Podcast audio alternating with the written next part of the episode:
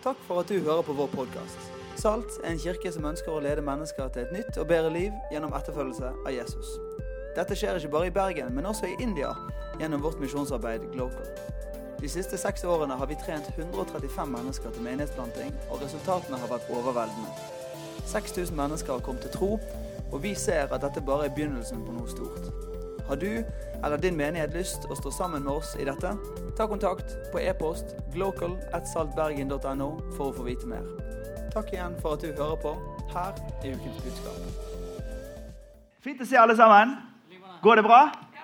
Går det bra? Jeg er liksom veldig, veldig glad akkurat i dag. Fordi at eh, i dag eh, så gikk jeg fra mitt kontor hjemme og ut til kjøkkenet. Hvor jeg fant min hustru i et godt kristent ekteskap. Så der vi finner henne. Og eh, eh, Nei da, det var jo bare det var jo ikke, den, den kom akkurat nå. Eh, men hun, hun, holdt faktisk på å forberede seg til eh, hun holdt faktisk på å forberede seg til eh, hun skulle ut og preke.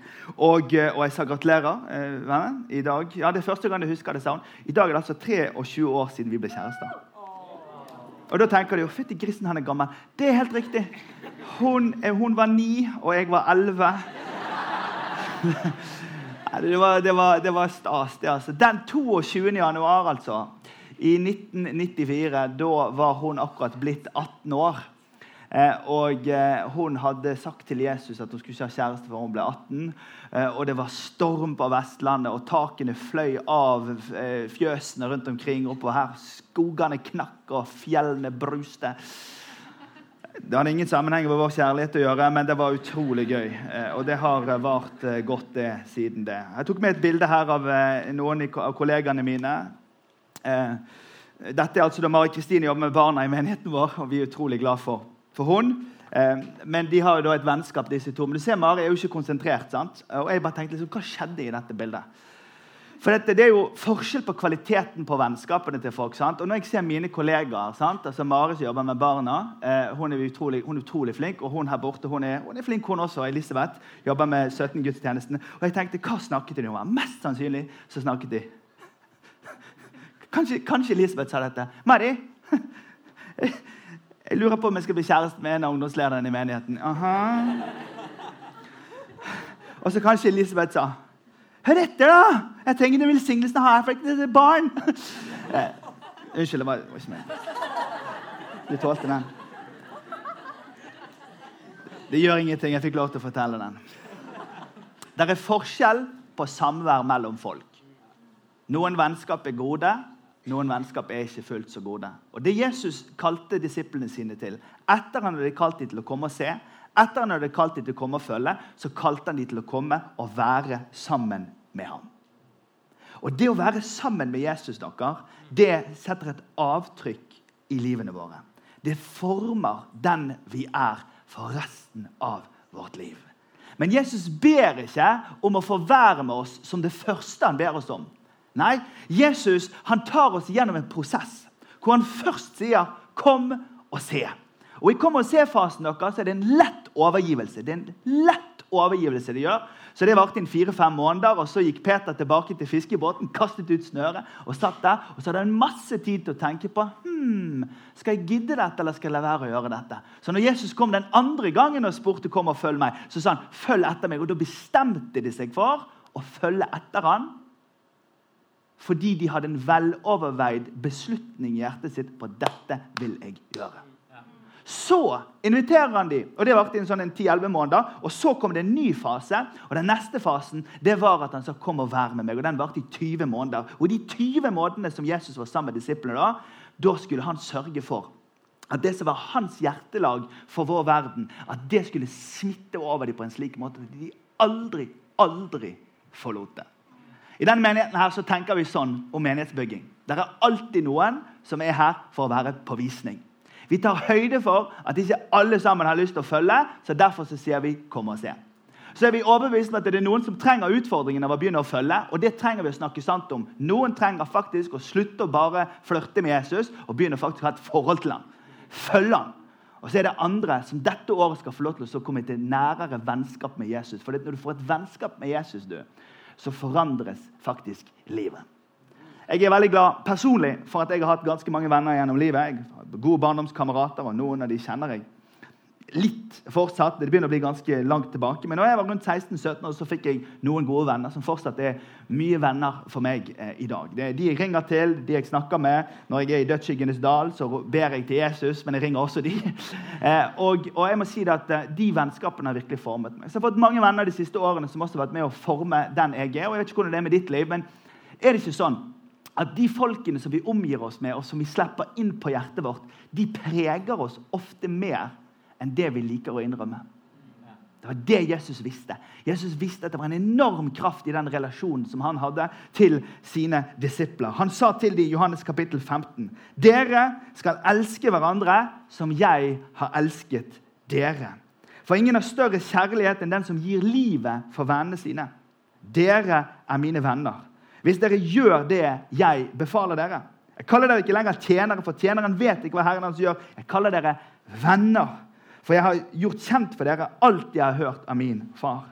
Dere har ikke utvalgt meg, jeg har utvalgt dere og satt dere til å gå og bære frukt. Ja, frukt som varer. Da skal Far gi dere alt dere ber om i mitt navn. Dette er mitt bud til dere. Elsk hverandre. Jesus sier til dem nå er ikke det sånn lenger at dere jobber for meg. Nå skal vi være venner. Jeg var ungdomspastor i denne byen her. Og Nå begynner det å bli noen år siden. Men det kom en trønder fram til meg etter en gudstjeneste og gråt. For Vi hadde en sånn visjonssetning hvor det sto at vi er redskaper i Guds hender. Og Så kom hun trønderen, jeg husker det fortsatt, hvor vi sto hen. Og hun sa jeg er ikke bare et redskap i Guds hånd, jeg er barn til en Gud. Og jeg omvendte meg på stedet. For hun hadde jo selvfølgelig helt rett. Jeg kaller dere ikke lenger tjenere dere er ikke bare et redskap i Guds hånd. Dere er mine venner. Kom og vær med meg, sier Jesus. Denne ordlyden 'kom og vær med meg' henter vi fra Markus evangelium kapittel 3. For I Markus 3 så sier han at han gikk opp på fjellet og kalte til seg den som han selv ville, og de kom til ham. Han pekte ut tolv, som han kalte apostler. Og nå vil jeg at du skal se sammenhengen. Derfor understrekningen. For at de skulle være sammen med ham og så at han skulle sende dem ut for å forkynne. Ikke i motsatt rekkefølge. Ikke sende ut for å forkynne, for å så bli venner med han. Men det er ut ifra modellen Jesus er for vennskap, og kilden Jesus er for vennskap, så skjer det noe her som gjør at vi har lyst til å fortelle. Er dere med?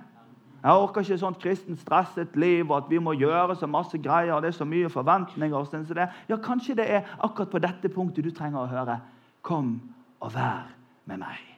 Kom tett på Jesus, så at det er fordi du er med han, du har lyst å fortelle om ham.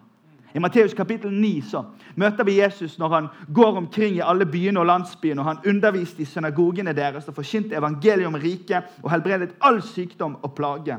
Og Da han så folkemengden, fikk han inderlig medfølelse med dem. For de var forkomne og hjelpeløse som sauer uten gjeter. Og Da sa han til disiplene sine.: Høsten er stor, arbeiderne er få. Be derfor høstens herre om å drive arbeidere ut til sin høst og for å høste inn grøden hans. Han ser behovene, han ser utfordringene, men han slipper ikke ned hendene og sier søren, vi klarer ikke å fikse dette. Snarere gjør han dette. Folkens, det er så mye behov her. Og vi trenger bare å brette opp ermene. Nå hadde han kjortel, så de hadde ikke ermer på. Men brette opp greiene. Gjør oss klar. Be til Gud om at de menneskene som er hjelpeløse, de menneskene som er fattige, de menneskene som har utfordringer, at de skal få hjelp. Og i dag dere, så ber han om det samme på Riksteater. Han ber om at vi skal komme og være med han. Sånn at vi blir smittet av en inderlig medfølelse. Som gjør at alle de menneskene som vi bare tenker at liksom, vi klarer ikke å gjøre noen ting med FN prøver, og EU prøver, og de rike som samles i Davos, prøver. Og, og liksom Vi prøver med pengekraft og ideologisk kraft og, og politisk kraft, men, men det er så utrolig mange behov i vår verden. Men Jesus slipper aldri ned garden og sier det går ikke. Han løfter opp hendene og så sier han det fins et håp. dere. Og det er det at I enhver tid så er vi nødt til å bare be til Gud om at han skal drive flere ut til å gjøre jobben. For de folkenes behov betyr mer enn mitt og din komfort. Amen? Kom og vær med meg. I forrige uke så var jeg i New Delhi på gudstjeneste. Det var Sigurd, som er med pastor med meg her i Bergen. Han eh, talte, og han talte glitrende, veldig flink. Eh, og jeg fikk tid til å sitte der og ta litt bilder. Eh, og eh, dette er et bilde av lille Elisha. Hun synger med på sangene. Og Det er ikke sånn at hun liksom, det var én sang Elisha sang på. Nei, Elisha hun sang på sikkert ja, 18 sanger, da, for å være omtrentlig. Hun sang med. Og jeg ble så grepet av at, hvordan hun lukket øynene sine. Hvordan hun levde seg inn i at nå har jeg et møte med Jesus her. Er dere med? Heftig? Hun har et møte med Jesus. Du vet, Når du kommer inn hit til Riksteater nå i kveld, så kommer du fra din hverdag. Du kommer fra en hverdag hvor du gjerne, ja, idretten eh, liksom har stor plass i ditt liv.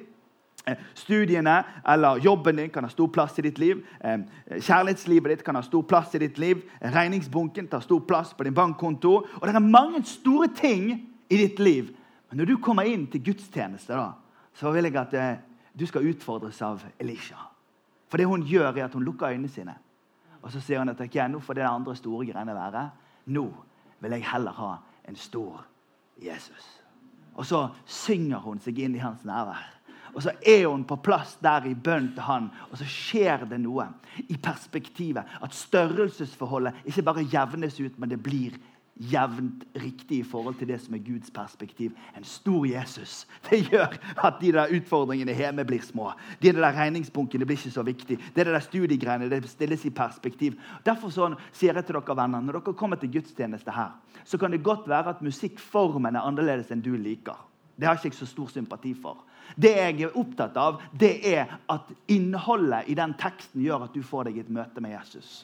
At du hører at han sier 'kom og vær med meg'. For det er i hans perspektiv at han blir stor, så at ditt perspektiv blir korrigert for ditt liv. 1. Johannes brev, kapittel 4, vers 8, så står det om Gud og Guds karakter. Det står at Gud er kjærlighet. Vranglæren i den kulturen vi lever i, er at størst av alt er kjærligheten. Men det stemmer ikke. Størst av alt er Gud, og Gud er kjærligheten i den rekkefølgen. Og Når Gud er kjærlighet, og lille Elisha lukker øynene sine og er med han, så skjer det noe med henne. I 1. Johannes brev 4, vers 19, rett nedenfor der, så står det at dere elsker fordi han har elsket dere først. Fordi Jesus han er ikke bare en modell for kjærlighet, men en kilde for kjærlighet. Det betyr at når du kommer i berøring med det stoffet som er han, så skjer det også noe med hjertet ditt i forhold til å gi tilbake igjen til han. Jeg er veldig forelsket i hun som ble kjæreste med for 23 år siden i dag. Og Det hun gjør hjemme for å finte ut dårlig stemning i hjemmet vårt, det er det at hun skifter musikk.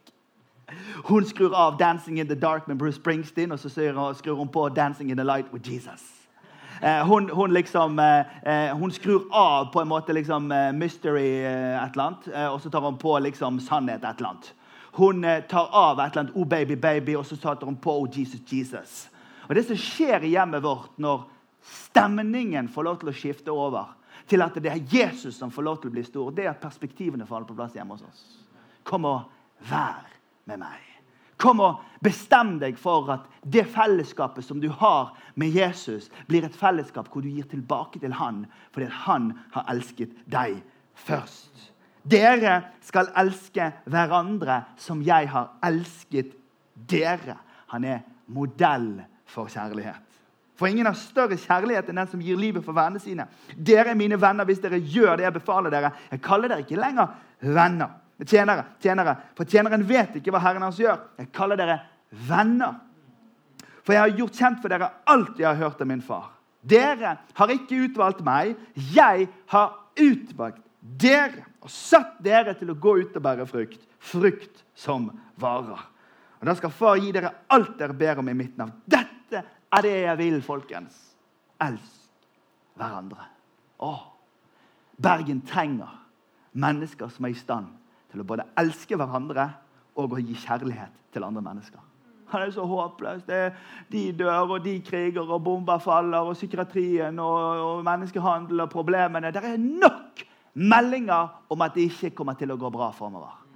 Men la oss komme nært nok på Jesus og høre at det er sant. At det kommer aldri til å være nok arbeidere i forhold til behovene som finnes der. Men vår mulighet er at vi kan be til Han Og så skal han hjelpe oss å få flere med på arbeidslaget. Og min invitasjon til deg i dag vil du være med han på det arbeidslaget. Det er en rabbi som heter Hasher, som skriver det på denne måten. Verden trenger noe mer enn den skjulte helligheten i den enkeltes indre liv. Den trenger mer enn hellige refleksjoner og gode intensjoner. Gud spør etter hjertet fordi han trenger livene. Det er gjennom livene at verden reddes. Gjennom liv som slår i takt med Guds hjerte ved gjerninger som overgår den begrensende barmhjertigheten som fins i et menneskes hjerte. Gud spør etter hjertet, og vi må uttrykke vårt svar gjennom handlinger. Kom og vær med meg, sa Jesus. Fordi at de hadde hatt en periode hvor de hadde fått lov til å være på bedehuset der og se ja, liker ikke det, liker det litt, liker det ikke så veldig mye. Så hadde de allikevel blitt med å følge, og det hadde de vært med på. og de hadde vært med på alt det, Men så kom de inn i en fase hvor vet du hva, nå skal jeg gjøre et sånt et inntrykk på deg.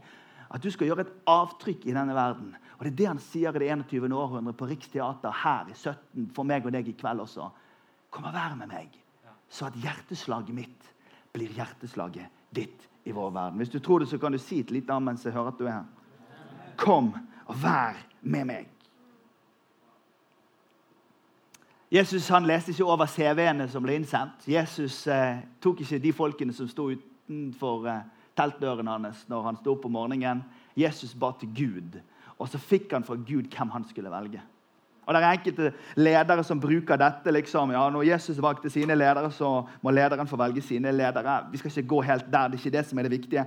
Det viktige er at eh, den gangen så valgte han noen få. Men pga. sitt kors og sin oppstandelse så er det ikke bare noen få han velger. Han velger alle. Alle som er i dette rommet i dag, og alle som hører denne podkasten, alle de menneskene som er under forkynnelsen i dag, må være så sikker på i hjertet sitt at han har utvalgt deg. Han ønsker at du skal komme og være sammen med ham. Vær sammen med ham for at du skal få lov til å gå ut og forkynne. Ser du sammenhengen? Vær sammen med ham for at du skal få lov til å gå ut og forkynne. Jeg beundrer jo Anders her, som står og leder. ikke sant da? Eh, Tonje tidligere i dag, og det er masse folk som er i sving. og Jeg blir jo helt nervøs noen ganger liksom, eh, liksom sjøl. At man liksom skal stå foran så mye folk. og sånn. Folk blir jo nervøse. liksom. Må vi holde inn mikrofonen hvis vi skal tale? Eh, må, betyr det at alle må preke? Nei, det betyr jo ikke det. Men, men vi alle sammen har fått en mulighet i vår hverdag til å forkynne. Jeg ble så motivert av lille Elisha i gudstjenesten forrige uke. For etter hun hadde stått sånn og prist Jesus, så plutselig satt hun der med notatboken sin og skrev notater når Sigurd talte. Og jeg tenkte jeg må ta med meg bilde av hun hjem og vise til alle fastlegene i menigheten vår som kan skrive ut sånne der, eh, sånne, hva heter det, pastiller tabletter for alle mulige slags sykdommer, men har store problemer med å formulere romerbrevet kapittel når de har en notat i en bok. Og alle disse ingeniørene i menigheten som lager ventiler opp i en eller annen rør ute på Stadfjord C, men ikke klarer å ta en notat når noen preker fra Johannes evangeliet. Eller alle disse lærerne som skriver stiler til det, til det blåner inne i Kjøkkelvik, men aldri klarer å skrive ned Johannes 3, 16. Kjære venner, jeg har lyst til å si til dere, lær av lille Elisha. Kom og vær med meg. Troen kommer av forkynnelsen, og forkynnelsen kommer av Kristi ord. Det Elisha gjør her, i New Delhi, i Delhi, den fattigste området av Delhi, det er at hun setter seg ned og så sier han at jeg har fått noe gull. noe. Og Det er, det at jeg får, får en mat som, som, de andre ikke vet at man får. Jeg mater mitt indre ved de ordene som Jesus gir meg. Kos deg med Netflix, men balanser mengden Netflix med litt bibelvers. Fordi at Om du bare trykker i deg Grace Anatomy eller et eller annet helt fantastisk Grace, Jeg får ikke lov til å si det, for det er så gammelt. Det var så 2003. Var ikke det? Et eller annet nytt som dere ser på, som dere ungdommene ser på. Hæ? Si det nytt. Hæ? Presten. Presten! Å oh, ja, den, ja. Den er vittig. Ja, den er vittig. Jeg husker ikke noen av de der. Designated survivor. survivor. Hva ser du på Netflix? Bonderomantikk. Ja vel, ja. Så det er det du ser på? Ja, da vet dere det. Nei, men vær med meg, da. Lille Elisha setter seg ned med notatboken sin. Martin feirer vi 500-årsjubileum for reformasjonen dette året. Og Martin sa sola scriptura, sa han. Skriften alene. Martin skrev salmer. Ett eneste ord er det du trenger for noen ganger å overleve. Jeg bare utfordrer deg, kjære kunnskapsrike, eh, senmoderne individualist. Oppfostret på Hollywood og alle mulige slags blader og bøker. Hør Herrens ord. Det er Hans ord som bygger din tro. Når du lurer på hvorfor den er klar for å liksom gå i stykker bare du får et spørsmål på psykologi grunnfag, så er det fordi at du ikke har fulgt Elisha sitt gode eksempel. Jeg kjefter ikke på deg nå. Jeg bare forteller ting som folk har fortalt i 2000 år. Du må mate innsida her om du skal bli sterk her inne. Problemet er jo at Elisha er smartere enn mange av fastlegene i denne menigheten. Der fikk dere den. Altså, fordi at det er noe med at Herrens ord må få lov til å bli mat her inne. En herlig ung gutt oppe i Frikirken som heter Jakob. Han skrev i Aftenposten denne uken Jeg digger Jakob. Han er så utrolig frimodig. Han skrev eh, mail meg eh, her for en tid tilbake, og han spør om gode ting. og er En utrolig god gutt. Og han utfordrer hele kongeriket og halve prinsessen altså, eh, i en artikkel nå i, i, i Aftenposten og, og, og, sier at eh, er det sant dette om Jesus, er det sant for alle mennesker. Jeg har lyst til å snakke med deg om det. Jeg er ikke redd for å ta en debatt om Guds eksistens. I love him. Men han er gæren. Han er på nivå med min kone. ikke sant? Ingenting er umulig. Alle kan vi snakke med om Jesus. Og Det kan godt være du blir litt nervøs av det, men jeg har lyst til å understreke for deg Jesus Kristus har tenkt at alle vi skal få lov til å være med og forkynne Hans ord. Det er ikke sånn at det er Jakob han er så frimodig. Han, så han, liksom, han går i frikirken. Det ikke rart det blir frimodig i frikirken. De er bare fri og i kirken. Altså, eh, og det er ikke rart at eh, hun der, fru Gjerme er frimodig. for hun har jo, eh, Men helt alvorlig, vi alle sammen skal med. Jens og de der sosialdemokratene har jo knabbet liksom, Jesu beste ordtak. Alle skal med. Og liksom kalt det et eller annet rødt noe med en rose. Det er jo helt et bedrag. Jesus sa alle skal med. Og vi sier i denne menigheten at alle skal med. For vi vil at alle skal med og være med, for de skal være sammen med ham. Og så skal vi få lov til å forkynne for ham. Eh? Jeg sa ikke det for å være kjip med Jens. I love the guy. Men altså, perspektivene er korte. Det er bare her han ser. Vi ser evigheten. Alle skal med. Vi vil ha alle med helt igjennom. Eh? Ja? Nei da, men dere er jo veldig greie. Eh, eh, hver uke så hiver vi opp denne på veggen. Eh, og nå, nå, vil jeg være veldig tydelig med dere. Det gjør ikke vi fordi vi mangler ting å gjøre her i gudstjenesten. Vi gjør dette fordi vi grunnleggende tror at Guds menighet i verden går frem ved at vanlige mennesker fylt av Den hellige ånd med sitt språk og med sine fortellinger deler sin tro på Jesus. Det er grunnleggende tror vi på. Vi tror at det ikke bare er um, Elisabeth eller Ruben eller Anders eller meg sjøl eller noen av de andre forkynnerne som på en måte skal lage en kristen event, og så skal folk komme. Vi tror at det viktigste arbeidet som skjer, det er at vi bygger en bro til tro i vår hverdag. I Lukas kapittel 10 så sender Jesus disiplene sine ut og så sier han til dem nå må ikke dere pakke niste. Dere må være sultne når dere går. For dette, hvis dere er sultne i magen, så har dere mest sannsynlig lyst til å stoppe og prate med folk for å se om dere får dere noe mat. Kanskje det var det han sa. Så han sa dere må gå og be om et mirakel. Be for folk. Og Det sier vi til, til, til, til menigheten hver eneste uke. La oss be for vennene våre som ikke tror så mye. Be til Gud for folk om at de folkene skal få lov til å, å liksom bli kjent med Jesus. Og Det er 1000 mennesker som møtes her hver eneste weekend. Og nå har jeg et spørsmål til deg. Tenk hvis hver av oss hadde ti stykk på en liten lapp som vi ba til Gud for. Da blir det 10 000 etter mine beregninger. Og det burde være såpass i denne menigheten at vi tar ansvar for å be til Gud for hvert fall 10 000. Tenk daglig. 365 dager i år så ber vi for 10 000 mennesker. Det burde være såpass. Er dere med på det? Så sier Jesus, og så kommer dere til et sted, og så er det noen som sier 'Kom inn!' Da må dere gå inn. Da må ikke dere si nei, jeg vet ikke om jeg har lyst til å være med på denne her festen. altså, Jeg skal sjekke på Face om det er en annen fest. Kanskje det er en bedre fest enn den festen som er her. Nei, nei, nei, nei, nei, sier Jesus. Hvis de sier 'kom inn', så går dere inn. Og ikke gå fra hus til hus. Ikke gå fra fest til fest. Og spis det som de setter framfor dere. Jeg liker ikke hvitløk. Jeg, jeg er oppvoksen på Sola. Jeg, jeg, jeg, liker ikke det. Jeg. Nei, og Da sier han nå må du skjerpe deg, lille venn. sier han. Nå må du skjerpe deg. Hvem? Hvem tror du at dette handlet om deg? Det handler jo om at du får lov til å være hjemme hos noen, og, og du kan spise smalahove med skei. Du kan, du kan knaske på syltelabber, du kan spise ertestuen, du kan spise blodpudding, du kan spise måkekjøtt. Du kan gjøre akkurat det som du blir plassert foran deg, for det viktigste er at du får bygd en relasjon der. Ja, det, og det sier han. Det er R-en. Og så sier han O-en. Og så må du si til folk at Guds rike er kommet nær. Du må minne dem på at Guds rike er nær nå. Og så må du be for de folkene som har noen behov. Og vet du, Dette dere, det krever ikke en mikrofon. Det krever ikke en gitarist eller en, en trommis. Det krever ikke et dyrt arrangement. Det er noe som vi alle sammen kan få lov til å være med på. Og vet du, Det her tror jeg på. Jeg tror på det, og jeg har fulgt denne linjen nå i 13 år med denne menigheten. og Jeg kommer aldri til å gi meg på det. For jeg vet at veien fra å være med han til å gå og snakke på vegne av ham, det begynner med at vi er med han, så at vi har lyst til å gå og fortelle om han. Bygg en bro til tro. Så når Anders nå med en liten stund kommer til å si her, tenk på noe du har i ditt liv, så vil jeg si bare, da vil jeg at du skal bare OK, Jesus, jeg tar utfordringen. Dette året her så skal vi ha 10 000 mennesker på en samlet liste. i denne menigheten. Vi skal bare be for denne byen. Vi skal be for Jens Stoltenberg. Vi skal ta tilbake ordtaket 'alle skal med'. Vi skal få Jens med til himmelen også. Amen. Og Det er ikke respektløst å si sånt om Jens. Jeg har stor respekt for han, men han trenger Jesus. Han gjør det. Jeg leser boken hans nå. I like the guy. Men han trenger Jesus. Dere kan si amen til det, for det er egentlig det, det er fint. Så flott at du har hjerte for Jens. da, Øystein. Tenk at du som er så travel og jobber med så viktige ting, har tid til å tenke på en sånn som han. Det skal du tenke. Amen. Jesus vandret nå omkring i alle byene og landsbyene.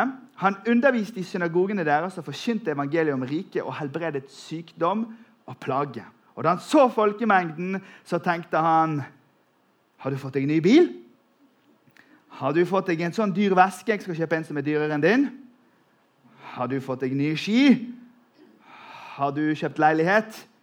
Hvor skal du på ferie til sommeren? Nei, han fikk inderlig medynk med dem.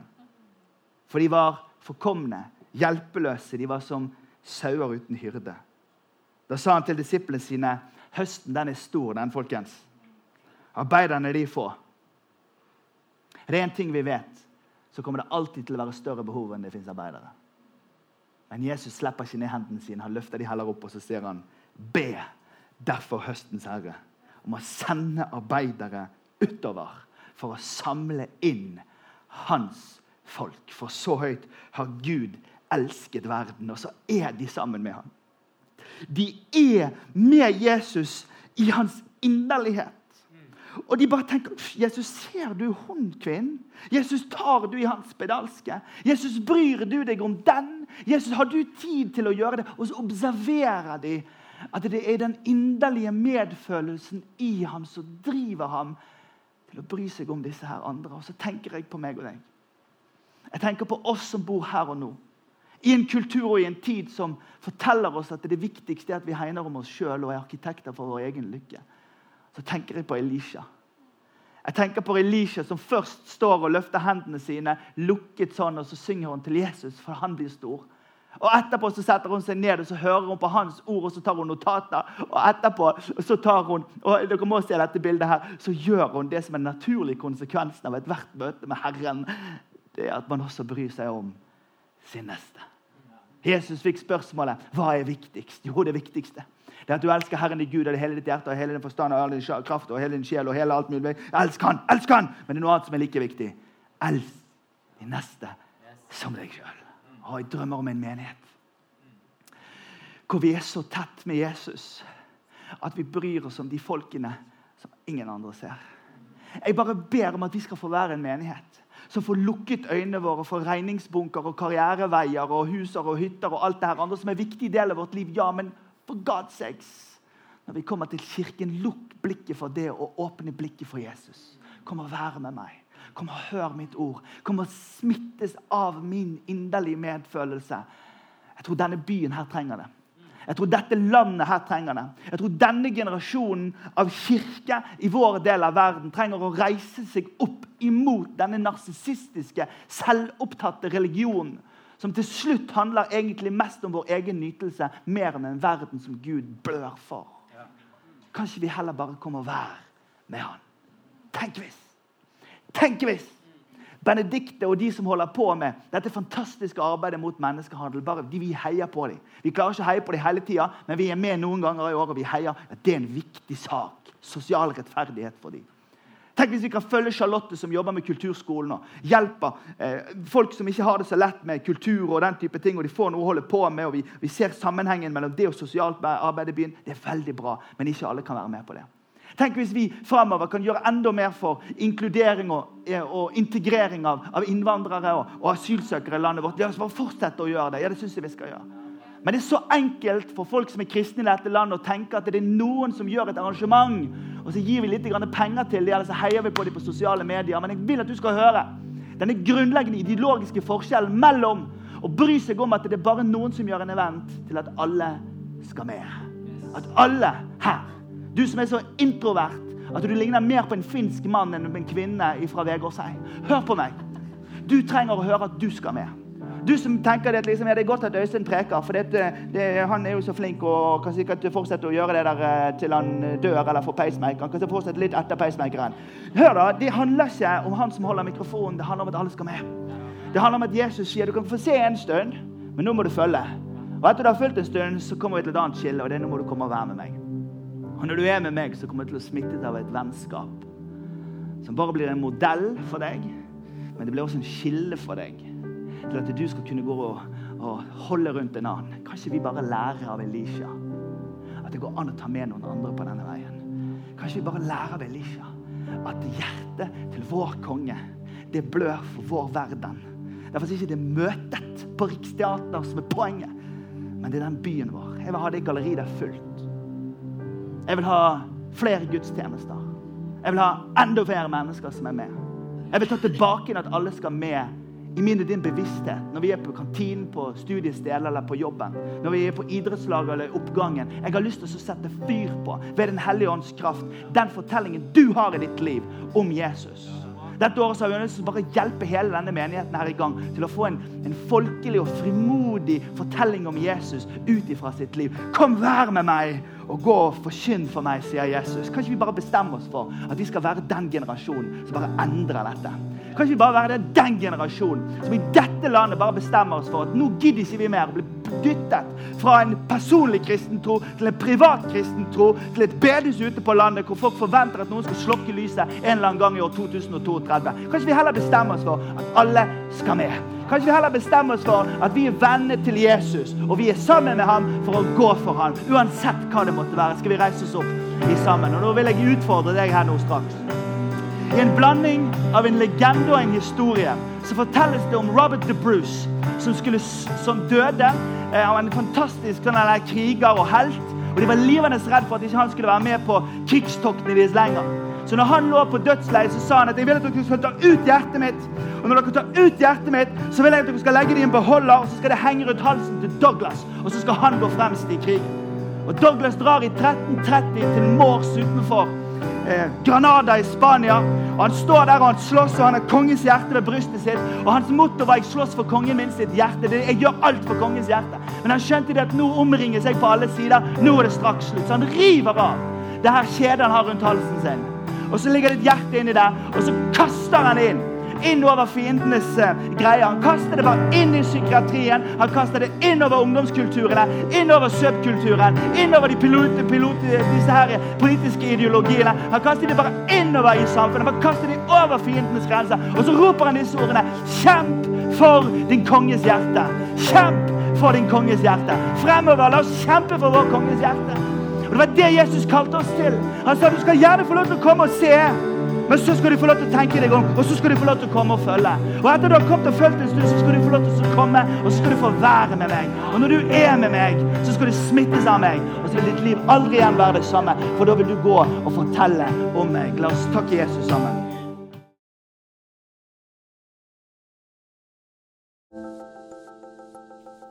Takk for at du lyttet til podkasten til Salt. For å høre flere, besøk oss på saltbergen.no.